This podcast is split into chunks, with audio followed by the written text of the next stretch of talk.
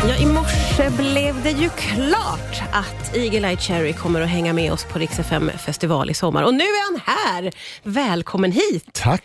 Och välkommen ombord får jag säga då på festivalen. Hur peppad är du för att stå på scen med riktig publik igen? Fattar du? Nej, jag fattar nog inte. Jag tror det aldrig kommer vara sådana glada artister på scen som vi kommer ha i år. Och publik hoppas jag. Ja. Ja, Men är det så att det spritter lite extra just efter att komma ut efter de här hemska åren? Ja, nej men man började undra om de någonsin kommer komma ut och spela igen, så att Ja. det här är ju fantastiskt kul. Ja, underbart. Och du har ju jättemycket ny musik med dig. Är det liksom, ger det en extra dimension för dig att gå ut på en scen? Jo, alltså för mig är det ju alltid hela processen med att spela in och skriva och promotion och allting handlar ju om att få ställa sig på scen. Det, det är målet. Så att, eh, det, det är alltid kul att få gå ut med nya låtar och få en respons. Ja, extra pirrigt. Nej, det är bara kul. Extra härligt. Härligt, precis. Men man sitter ju där i studion och så kan man liksom tänka sig det här kommer funka bra.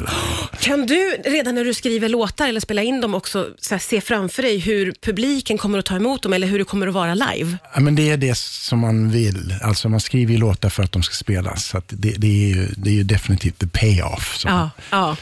Underbart.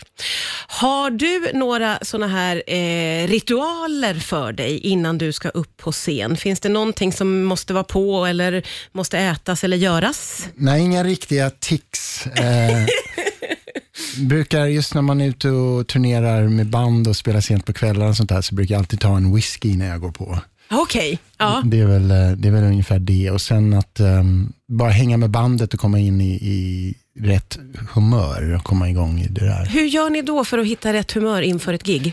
Eh, ofta lyssna på musik, Ja. så man har en eh, bra soundsystem med sig och så vill man lyssna på grejer som får igång en. Och så. Ge exempel på någon låt som riktigt får igång Eagle Eye Cherry. Eh, Beastie Boys, Sabotage. ja, nu snackar vi! Den är perfekt.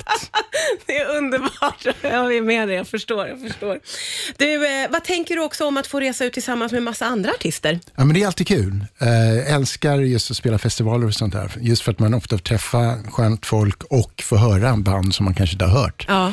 Eh, och det här är ju väldigt kul med Rix FM just för att det, det är väldigt bra band som är där på plats. Så det är väldigt enkelt för oss. Ja, Jag, jag behöver inte ha någon koll på mitt eget band. Nej, Just det, det är bara att kliva upp Eh, ja, och, precis. och njuta. Liksom. Exakt.